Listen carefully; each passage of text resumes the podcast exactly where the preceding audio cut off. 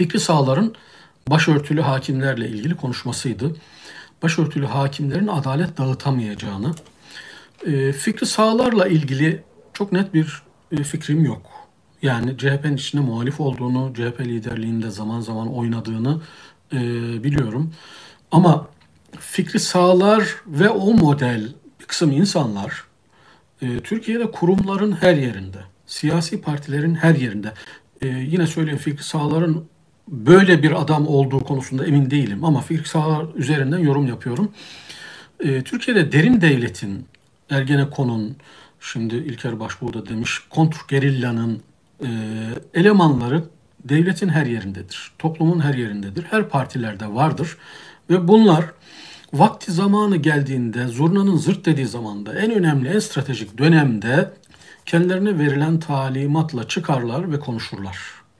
Bunlar İslamcı olur bazen, bunlar bazen Kemalist olur, bazen milliyetçi olur. Yani çok farklı görüşlerde vardır. Düğmesine basınca ihtiyaç olan dönemlerde işte mesela bunlara ben açık isim vererek benim zihnimde Doğu Perinçek bunlardan birisidir mesela. İşte Abdurrahman Dilipak'ın bunlardan biri olduğunu düşünüyorum. Daha önce öldü gitti mesela Hüseyin Üzmez gibi adamların bunlardan biri olduğunu düşünüyorum. Toplumun her tarafında bunlardan var. Bürokrat, asker, sivil, gazeteci, gazetecilerden bol miktarda görürsünüz.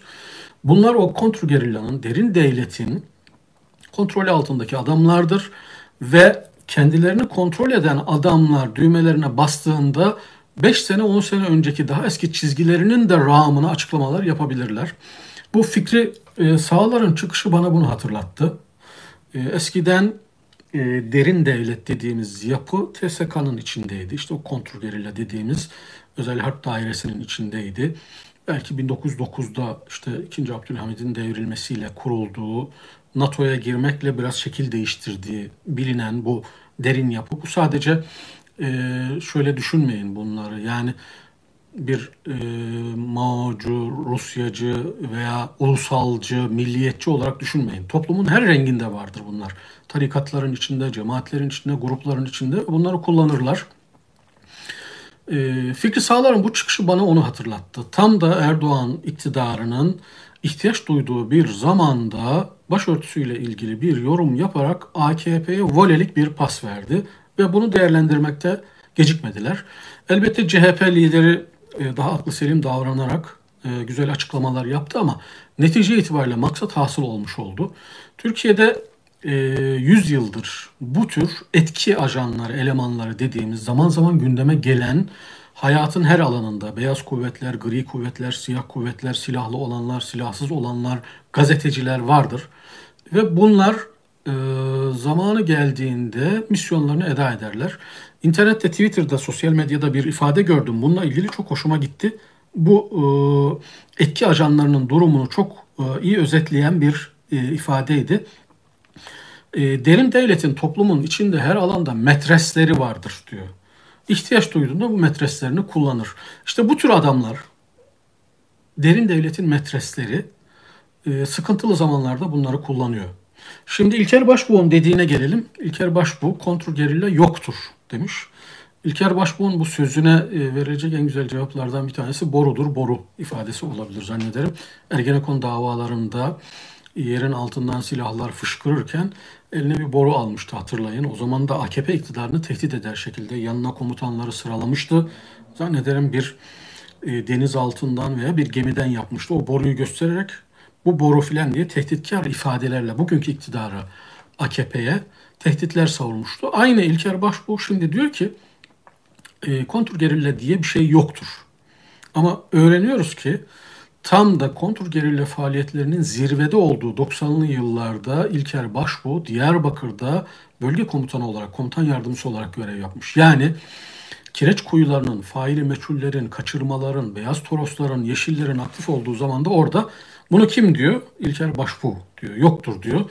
Peki şu anda nasıl? Derin devlet e, 2013'ten sonra şekil değiştirdi. Daha önce derin devlet dediğimiz Gladio veya kontrgerilla her ne diyecekseniz bu yapı TSK'nın içinde konuşlanmıştı. TSK üzerinden e, toplumda manipülatif olaylar yaparak sivil iktidarları tehdit ediyor idi hukuki kurumları, Anayasa Mahkemesi'ni mesela tehdit ediyordu. Yargı kurumlarını tehdit ediyor idi. Ama 2013'te Erdoğan'ın yolsuzlukları çıktıktan sonra 17-25'ten sonra Ergenekon'la Erdoğan anlaştıktan sonra bu defa o derin devletin karargahı TSK içinden alındı ve MIT'e taşındı. Ve 2016-15 Temmuz tarihine kadar bu defa MIT içinde bu karargahta yoğun çalışmalar yapıldı, fişlemeler yapıldı.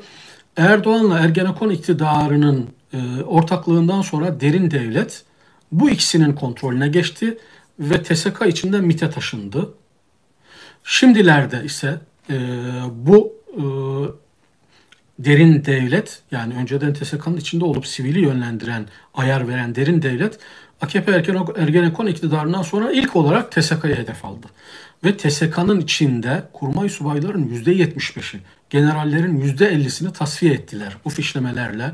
Sonra yine aynı şekilde hukuku hedef aldı.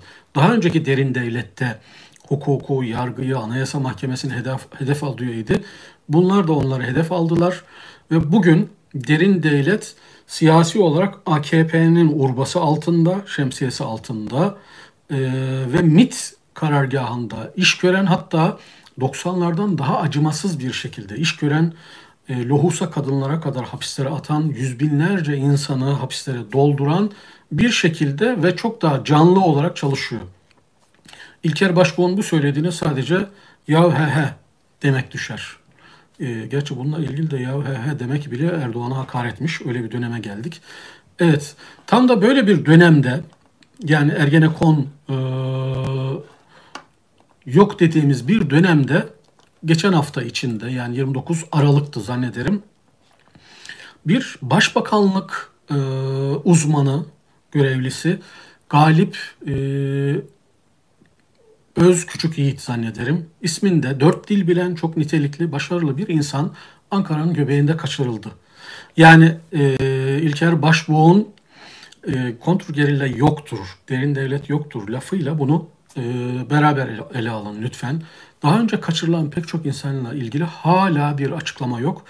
Ve bu tür kaçırılanlar eskiden belki e, özel hareket dairesinde TSK'nın içinde bir yerlere götürülüyordu. Mesela eski dönemlerde şu söylenirdi. E, Sincan tarafında büyük bir askeri birlik var. Adını hatırlamıyorum. Tank taburu ne olabilirse çok geniş alana hitap eden bir alan vardı.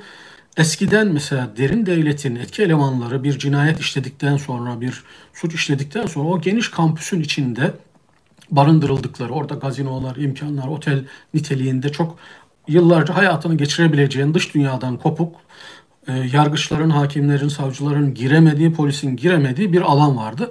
Orada tutulduklarını söylerlerdi. Mesela Yeşil'in bile orada tutulduğunu yıllarca, orada yaşadığını ifade ederlerdi.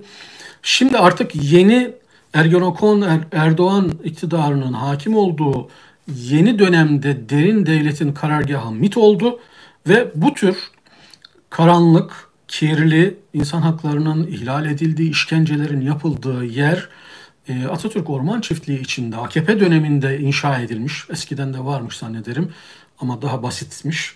Onu AKP 17-25'ten ee, sonra yani Ergenekon'la ittifakından sonra Atatürk Orman Çiftliği içindeki o işkence merkezini, sorgulama merkezini veya tabutlukta diyorlar zannederim ona geliştirdi. Ve bu kaybettiği insanları orada sorguluyor. Orada en ağır işkenceleri yapıyor. Sonra bir kısmını e, alacağını aldıktan sonra özür dilerim bir hayvan leşi gibi yolun kenarına atıyor. Ve o insanların hayatı bitiyor, ailesi bitiyor, her şeyi bitiyor. E, bu Galip Küçüköz Yiğit geçen hafta kaçırıldı ve aynı şekilde e, haber alınamıyor, kimse hesap vermiyor, ailesi perişan durumda. E, bütün devlet dairelerine başvuruyorlar ama başvurusunu kabul edecek bir yer bile yok. Türkiye bu halde. Evet 2021'e çok daha e, maalesef kötü bir şekilde girdik arkadaşlar.